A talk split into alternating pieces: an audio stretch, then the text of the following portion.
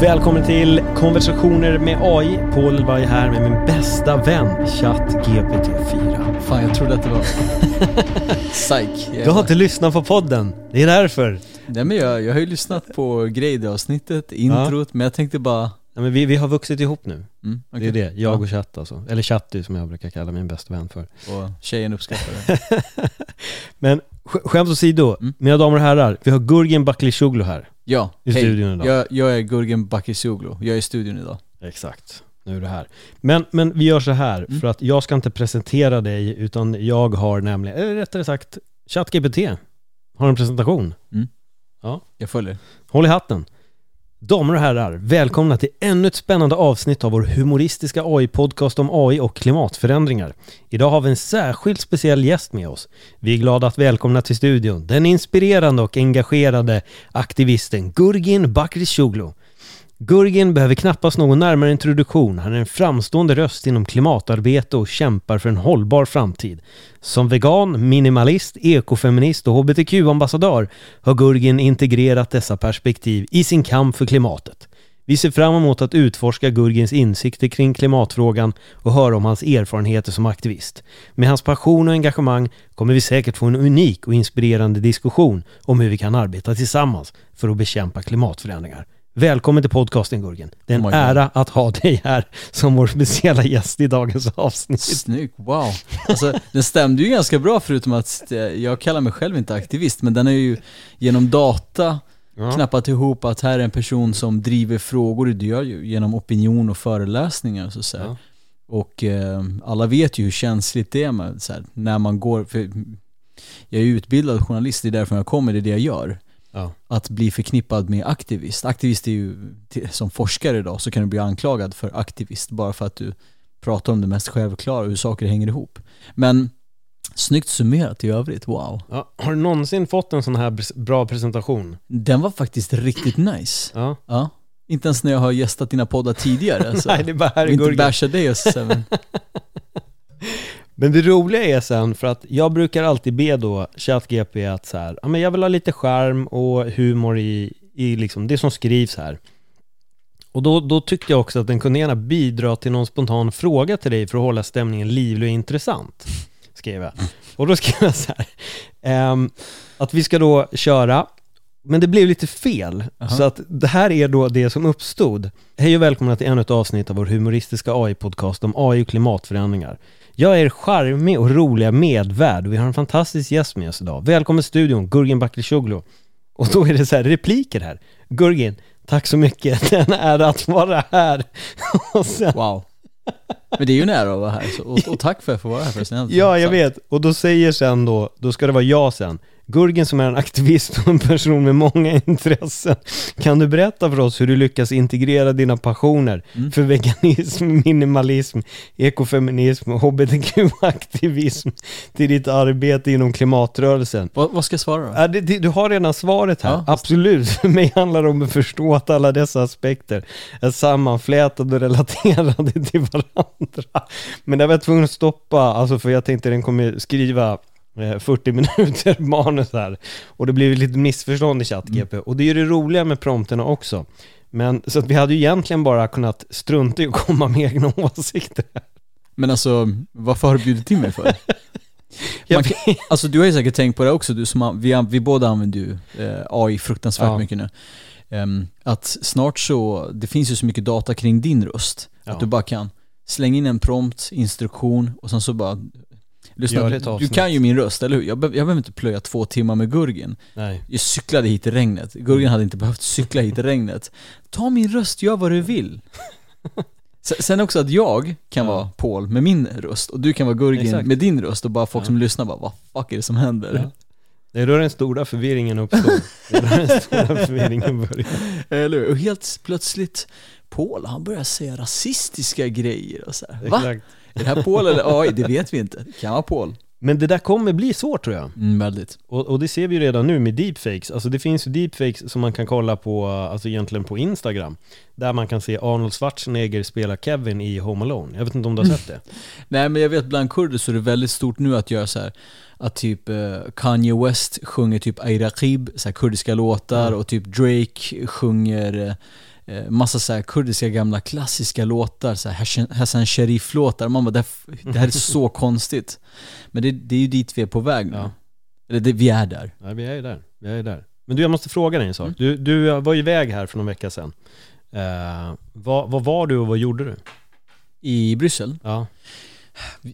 jag, jag har representerat Sverige. ja. Men hur Mm. hamnade du där? Det är egentligen första frågan. Hur var det så att du hamnade där?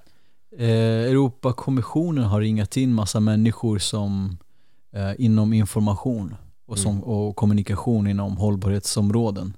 Ehm, jag vill inte säga influencers, så jag säger inte det. För att då, då tänker folk att jag säljer med min röv hudkräm, swipe upp gurgen 20%.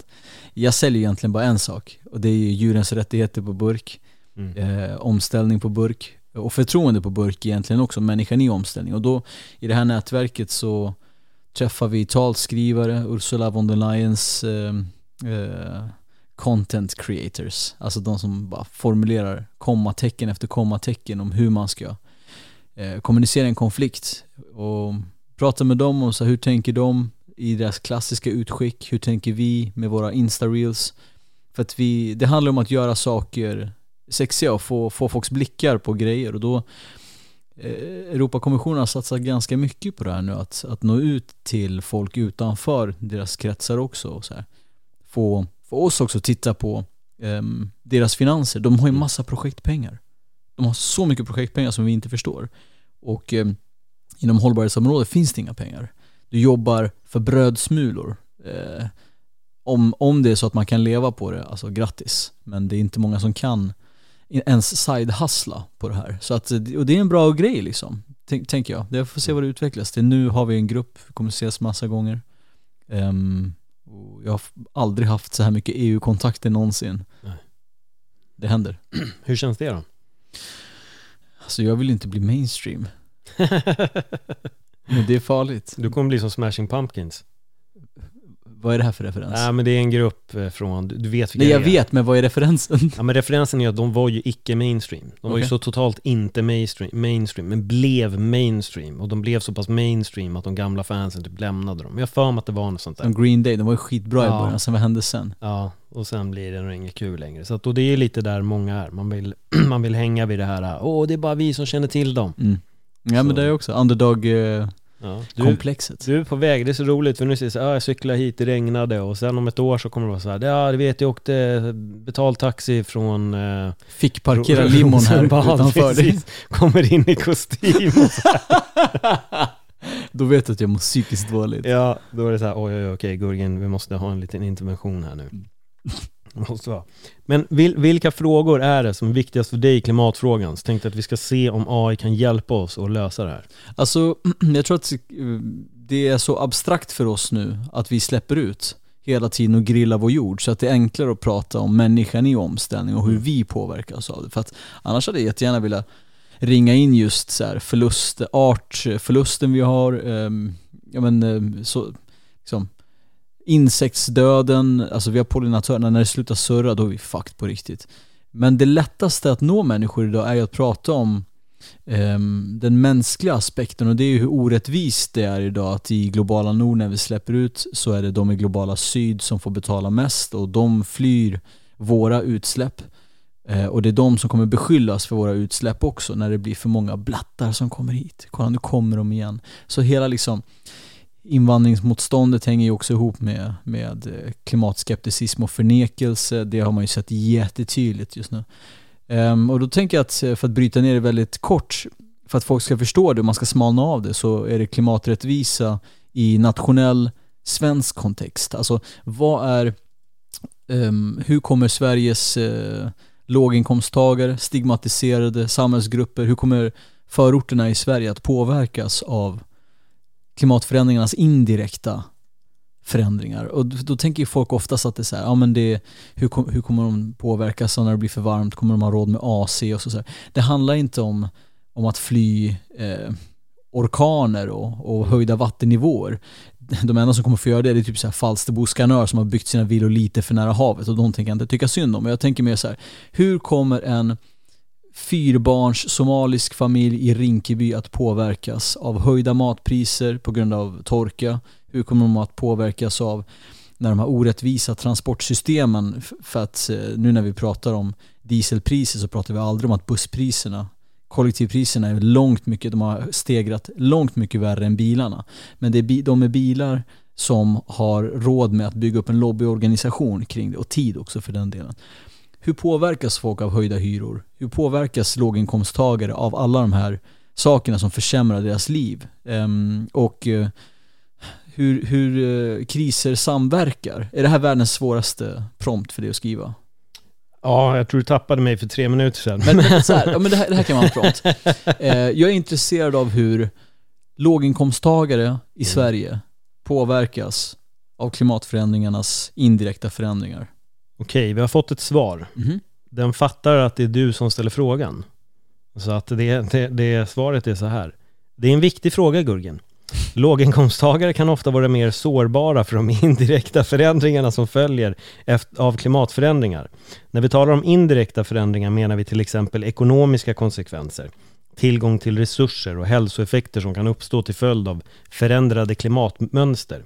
När det gäller ekonomiska konsekvenser kan låginkomsttagare vara mer känsliga för ökade priser på livsmedel och energi, vilket kan belasta deras budget ytterligare. Till exempel kan torkan eller översvämningar påverka jordbruksproduktionen och därmed leda till högre matpriser. Dessutom kan ökade energikostnader påverka låginkomsttagares förmåga att klara sina räkningar eller upprätthålla en god livskvalitet. Tillgång till resurser är en annan faktor som kan påverka låginkomsttagare. Till exempel kan förändringen av klimatet påverka vattentillgången eller tillgången till rent dricksvatten i vissa områden. Det kan vara särskilt svårt för de som har begränsad ekonomisk kapacitet att hantera sådana förändringar och skaffa sig tillgång till nödvändiga resurser. När det kommer till de hälsoeffekter kan klimatförändringar indirekt påverka låginkomsttagare genom att öka risken för till exempel extrema väder, väderhändelser, luftföroreningar eller spridning av sjukdomar. Dessa hälsorisker kan vara svårare att hantera för de som inte har tillgång till adekvat hälso och sjukvårds eller boende med goda skyddsmöjligheter. För att minska indirekta påverkningar av klimatförändringar på låginkomsttagare är viktigt att implementera åtgärder som syftar till att öka deras motståndskraft och minska ojämlikheter. Det kan inkludera ekonomiskt stöd för att hantera ökade levnadskostnader, säkerställa tillgång till nödvändiga resurser och förbättra tillgången till hälso och sjukvård. Vi behöver också se till att låginkomsttagares röster hörs i beslutsfattandet kring klimatpolitik och deras specifika behov beaktas. Genom att integrera principer om klimaträttvisa i alla åtgärder kan vi arbeta mot att minska de indirekta effekterna av klimatförändringar på låginkomsttagare och skapa en mer jämlik och rättvis framtid. Mm, det var ganska utförlig och konkret. Ja. ja. Och, och, väldigt relevant också. Ja.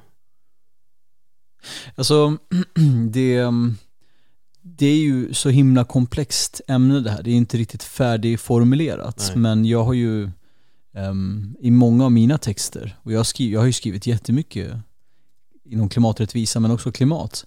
Jag har ju sagt till alla mina redaktörer att jag tar ju jag tar alltid hjälp av eh, liksom AI mm. för att skriva ryggraden. Men det är alltid mina poänger och slutsatsen är ju oftast de här, men nu är det lite bättre formulerat. Det kan ju formuleras lite bättre. Det, är som, så här, det här är ju övertygande argument och det är väldigt, den ringar in, eh, det är väldigt bra.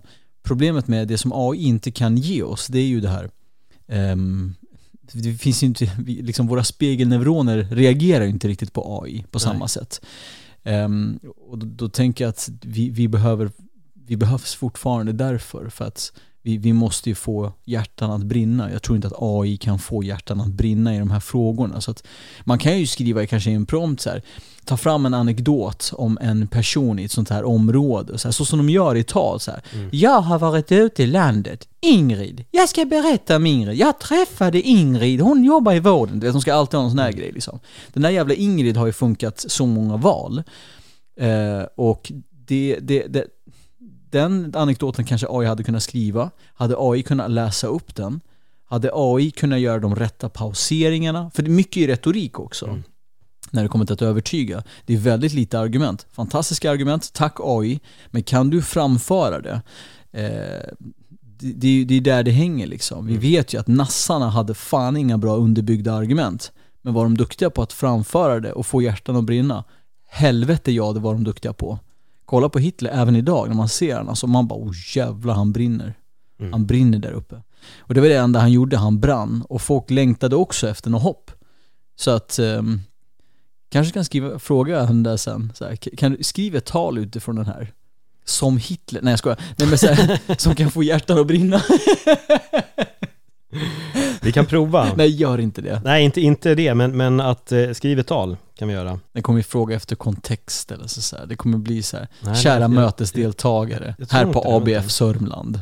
Okej, vi har, eh, vi har fått ett tal. Mhm, Eh, Föra. jag skippade delen då om den, den tyska mannen för många år sedan. Men Han är på spotta ut artén. jag, jag, jag skippade det i prompten. Men här kommer det. Kära vänner, medborgare, förändringsmänniskor. Idag står vi inför en av de största utmaningarna i vår tid. Klimatförändringar och dess konsekvenser för social rättvisa. Vi kan inte längre blunda för de indirekta effekterna av klimatförändringar på våra samhällen och på de som redan kämpar ekonomiskt. Det är dags att agera och engagera oss och att skapa förändring. Vi är samlade här idag för att diskutera klimaträttvisa och för att inspirera till handling. Förändring uppstår inte genom att bara prata om problemen. De uppstår genom att vi alla tar ansvar och gör vår del. Det kräver att vi engagerar oss på alla nivåer, som individer, som samhälle och som samhällen. För att engagera oss behöver vi först och främst förstå kopplingen mellan klimatförändringar och social rättvisa. Vi måste förstå att klimatförändringar inte bara handlar om isarna som smälter eller extrema väderförhållanden. Det handlar om människor, våra grannar, våra vänner, våra medmänniskor som kämpar för sin överlevnad och för en rättvis framtid.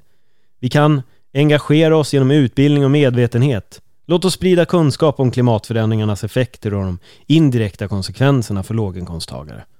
Låt oss dela berättelser om de som påverkas mest och visa hur vi alla kan bidra till en lösning genom att förstå och kommunicera dessa samband kan vi inspirera andra att agera.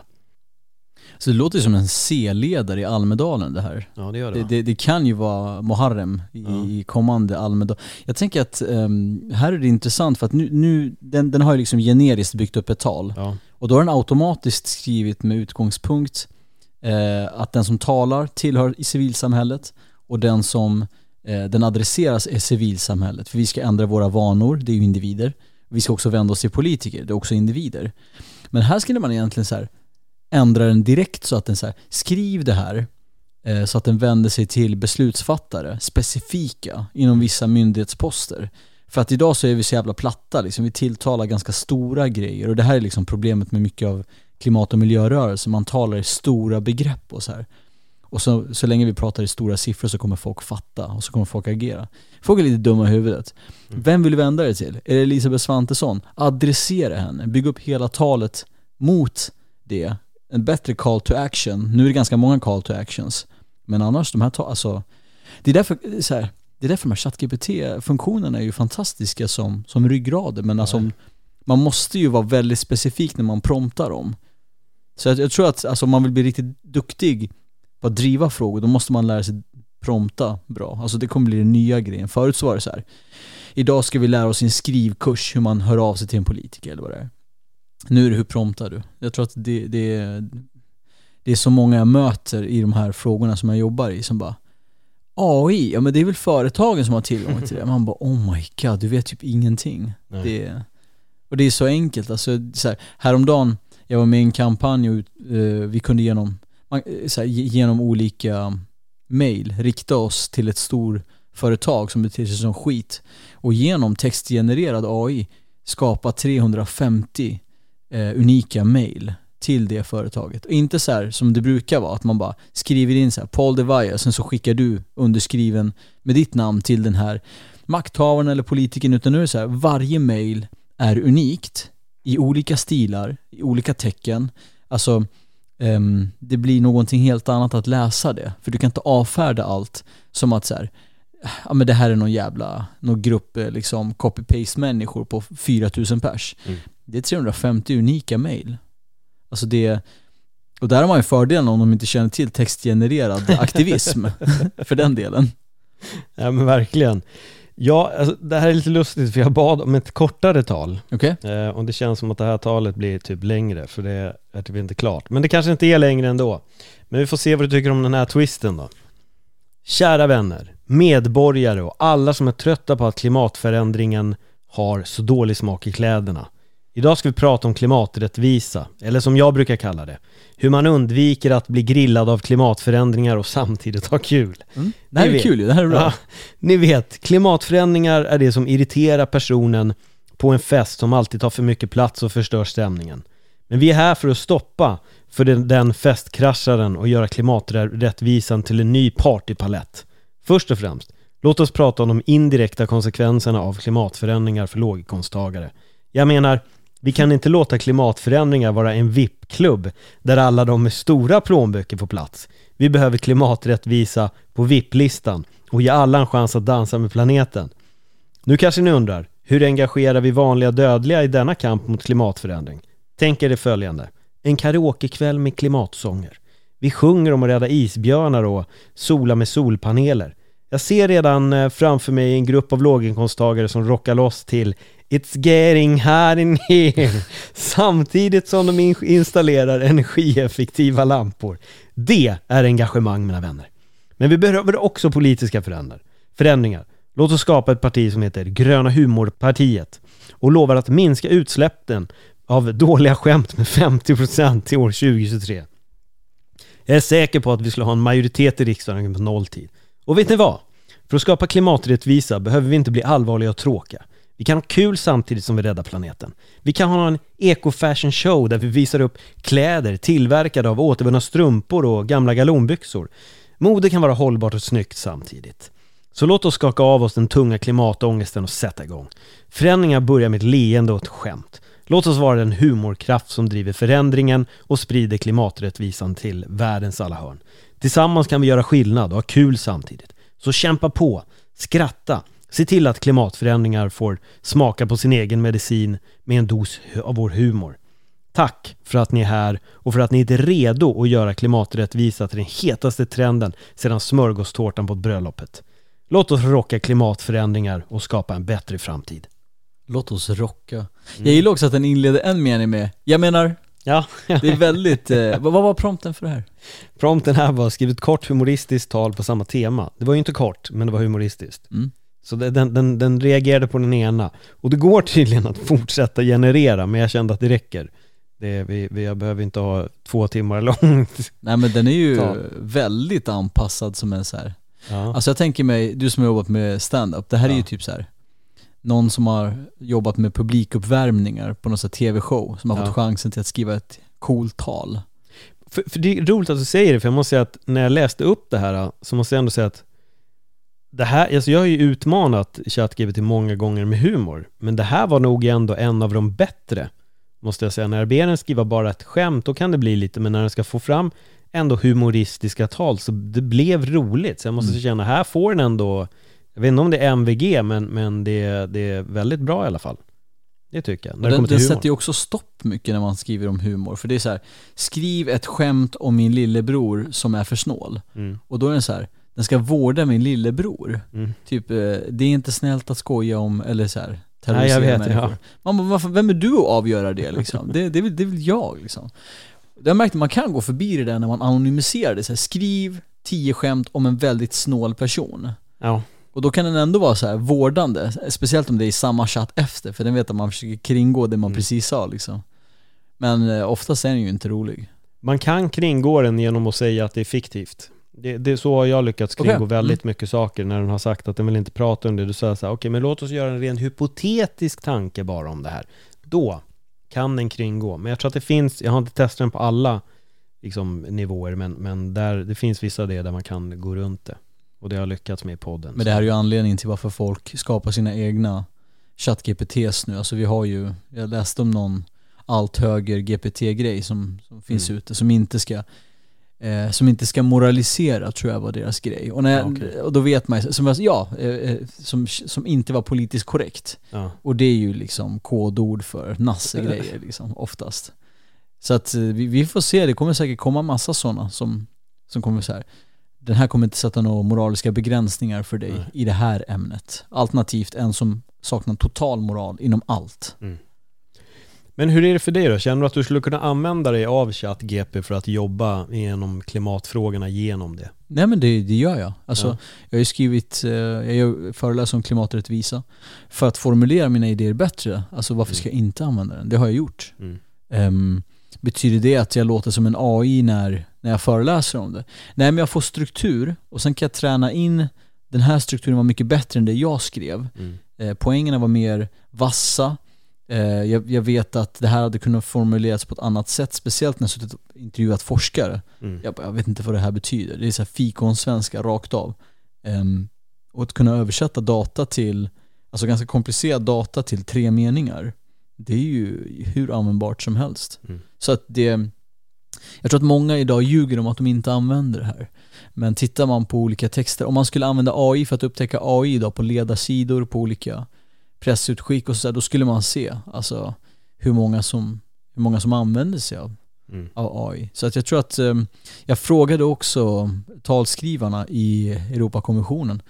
Alltså de kan använda det som en ryggrad men de skriver ju om det helt och hållet så att det ska passa vad de tror är just den specifika, vad det nu än är, om det är minister eller vad det är, eller Ursula von der Leyen, eh, deras eh, språk och deras referenser. Så att eh, jag tror att man får liksom, man får avlasta sig med det. Så här, när AI och HI alltså human intelligence lirar med varandra, då blir det någonting bra. Tror jag. Ja. Jag har bett här som en liten avrundning här och det är att jag vill ju liksom att du ska bli den första personen som på riktigt förändrar hela världen tillsammans med AI. Precis så Okej. som jag förändrar hela poddlandskapet med min bästa vän ChatGPT-4. Mm. Så kanske är du... Sprängt podd-Sverige. Precis. Så kanske du och ChatGPT-4 till slut står på, ja du står på tron och håller upp liksom ChatGPTs osynliga hand då, liksom att vi lyckades och så får ni medaljer så som i Star Wars. Ehm, så, så jag skrev så här, uh, prompten är den här, om du och Gurgen skulle sätta upp fem punkter för att rädda världen, vilka skulle det vara? Mhm. Okej, så det här är nu du och din egen ChatGPT. 1. Omställning till förnybar energi. Vi behöver göra övergången från fossila bränslen till förnybar energi som sol och vindkraft. Genom att investera och främja hållbara energikällor kan vi minska vårt eh, beroende av icke förnybara resurser och minska utsläppen av växthusgaser. 2. Hållbar konsumtion och produktion. Vi måste omforma vårt sätt att konsumera och producera varor och tjänster. Genom att minska överflödig konsumtion, främja återvinning och återanvändning samt införa cirkulär ekonomi kan vi minska avfallet och den negativa påverkan på miljön. 3. Skydd av naturliga ekosystem. Vår planet är hem för en rik biologisk mångfald och ett värdefullt ekosystem. Genom att skydda skogar, vattendrag, korallrev och andra naturliga miljöer kan vi bevara arter och ekosystemtjänster som är avgörande för vår, vår överlevnad. Utbildning, alltså punkt 4, utbildning och medvetenhet. Förändringar börjar med kunskap och medvetenhet. Vi behöver utbilda och informera människor om klimatförändringarnas konsekvenser och vad vi kan göra för att bekämpa dem. Genom att sprida kunskap kan vi skapa en bred medvetenhet och engagera fler människor i att agera för en bättre framtid. 5. Globalt samarbete. Klimatförändringar är en global utmaning som kräver samarbete över nationsgränser. Genom att arbeta tillsammans med andra länder och internationella organisationer kan vi utbyta kunskap, dela resurser och gemensamt arbeta mot att minska utsläpp och skydda vår planet. Vad säger du om punkterna? Alltså det, det var ju inte jättemycket fokus på rättvisa aspekten för då hade Nej. du kunnat tagit fram kanske lite fler så här, ehm, insatser som socialt ska förbättra det för folk som lever shitty i Sverige. Ehm, jag vet inte, alltså alla, i många av de här förslagen så finns det ju jättebra förslag på hur man kan höja infrastrukturen för de som har det sämre. Mm. Eh, men också att man börjar titta på pengarna man subventionerar rika människor med, hur man kan flytta dem till fattiga. Det här är opopulära grejer som fan, jag fattar det själv. Nej men det handlar om att här, flytta pengar från Danderyds villor till opopulära invandrarfamiljer. Liksom. Varför ska vi invandra med pengar? De har inte byggt upp det här landet, det har vi. Och sådär. Eh, men eh, jag tror att hade man fokuserat mer på människoaspekten här, då hade man ju kanske fått förslag som jag vet, allt från basinkomst till olika Mm. grejer. Men nu var det ju ganska generella grejer. Ja, nu var det och för sig att rädda världen, bara Bara rädda världen. så. Det var ju det det gick ut på. Fem punkter för att rädda världen. Okej, jag tänkte Det att det var ut, utifrån det vi tidigare Nej, nej, nej, pratat nej, om. nej, nej. Det här var att eh, om ni två skulle sätta upp fem punkter för att rädda Mm. världen. Okej, nej men det, alltså det är, så här, jag motarbetar inte de där punkterna. Jag bara tänkte inte att det var hyperrelevanta. Ja. För det vi, pra- ja. Du bara, punkt fyra, bort. Nej. Utbildning och medvetenhet, lägg ner. Men, Ta bort allt där. Ja. Jag, jag vet att allt vi behöver är ny teknik. Bara ny teknik, sen är det bra. Men jag fick en fin också, för jag tackade eh, för de här fem punkterna och då fick jag så här. Varsågod, det var en fröjd att kunna hjälpa till. Om du har fler frågor eller något annat jag kan bistå med så är det bara att säga till. Lycka till med inspelningen av podcasten och fortsätt sprida kunskap och engagemang för en bättre värld. Mm. Det är ju fint. Det här var ett trevligt samtal. Ja, De- delvis med dig.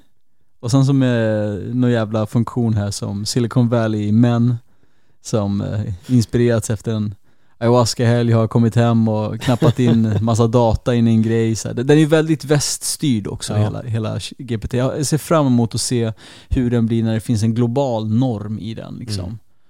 Men den här frågan är säkert du fullt också. som den där alternativ höger-sajten, det är den du väntar på. Det är den jag väntar Ja. på. Nej, men fan. Har, har du sett att Snapchat har fått en, en AI? Ja, jag har inte testat den. Ja, jag provade den. Ja. Det jag skulle egentligen ha tagit upp det i podden, jag har glömt det. Jag har provat eh, eh, Snapchat, så jag fick höra att det fanns en, så jag satt och testade den lite. Den är väldigt underlig, för den vill ju på riktigt vara din vän. Och pratar med dig verkligen som att man är polare. ChatGP är ju tydlig med att den är en assistent. Medan Snapchat säger åh jag är en vän, jag finns här för dig och, och när man säger bästa vän då bara ja, åh min kompis och den, den har, den försöker snacka som att den är rätt ung, vilket jag tyckte var ganska intressant och samtidigt lite farligt. Eh, för jag tror att vissa kommer säkert kunna sitta med den där och prata på tok för mycket. Mm. Speciellt om du är ensam så kan du fastna med den där och bara snacka. Och, och sen har man ju hört att den har gett lite underliga råd och sådär, men ja, Mm. Ja, in, men- inte samma kaliber. Man får ju se, jag- vill ju alltid veta vem, vem som får köpa datan Mm. av alla chattar. Och då har jag kommit fram till att vad använder vi Snapchat för idag? Men vi skickar kön. Vi skickar bilder på våra kön genom Snapchat. Varför använder vi Snapchat om vi är under 20 idag? Jag bara undrar liksom. Man måste ju få ställa frågan. Och då tänker jag att de som köper datan är väl rimligtvis de som eh, eh, bygger knullrobotar. Ja. Vad heter de? Real dolls eller? Eh, Real dolls. Ja, de är ju för inte robotar, men Ja, det är väl det. För att ja, vi närmar oss ju era nu att vi kommer få många som är robosexuals. ja. Och då tänker jag att då vill man väl för, rimligtvis ha någon som också kan porrsnacka riktigt bra. Mm. Vart fick vi datan ifrån? Nej, men vi fick den från den här snubben i Stockholm med en egen podd. Paul, vad heter han? Nej, men han är alltså det äckligaste som fan. ja, precis. Han satt och utforskade Snapchats AI Ja. och därifrån har vi fått all data. Jag tog upp nämligen, jag har ju pratat om kärlek och sånt, det, var en instans där vi kom in på just robotar och, och kärlek och sånt där. Så det ja, det, det finns även i AIs medvetande om att det kan, det kan hända. Tror du att AI kommer kunna få ett medvetande och att vi kanske går mot den dystopiska framtiden som vissa varnar om?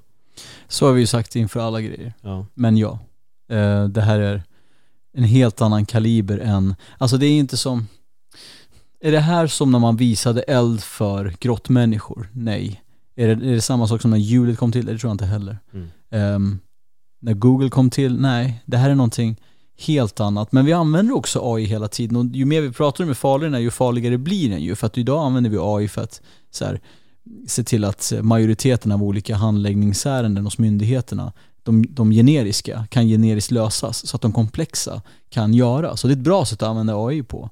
Men sen när de ska tjäna våra syften för att eh, sprida desinformation och sådana här äckliga grejer, då, då ser man ju att så här, eh, den här kan vara riktigt farlig. Och den används ju redan nu. Jag menar, gå ut på Twitter så ska du få se Ja. hur många ehm, alltså när, när dreven är igång på Twitter så här, så här många människor finns inte ens i Sverige Mm. som tycker så här.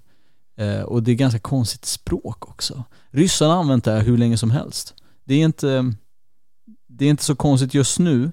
Det används ganska länge men så som det utvecklas nu i den här farten när folk pumpar in pengar.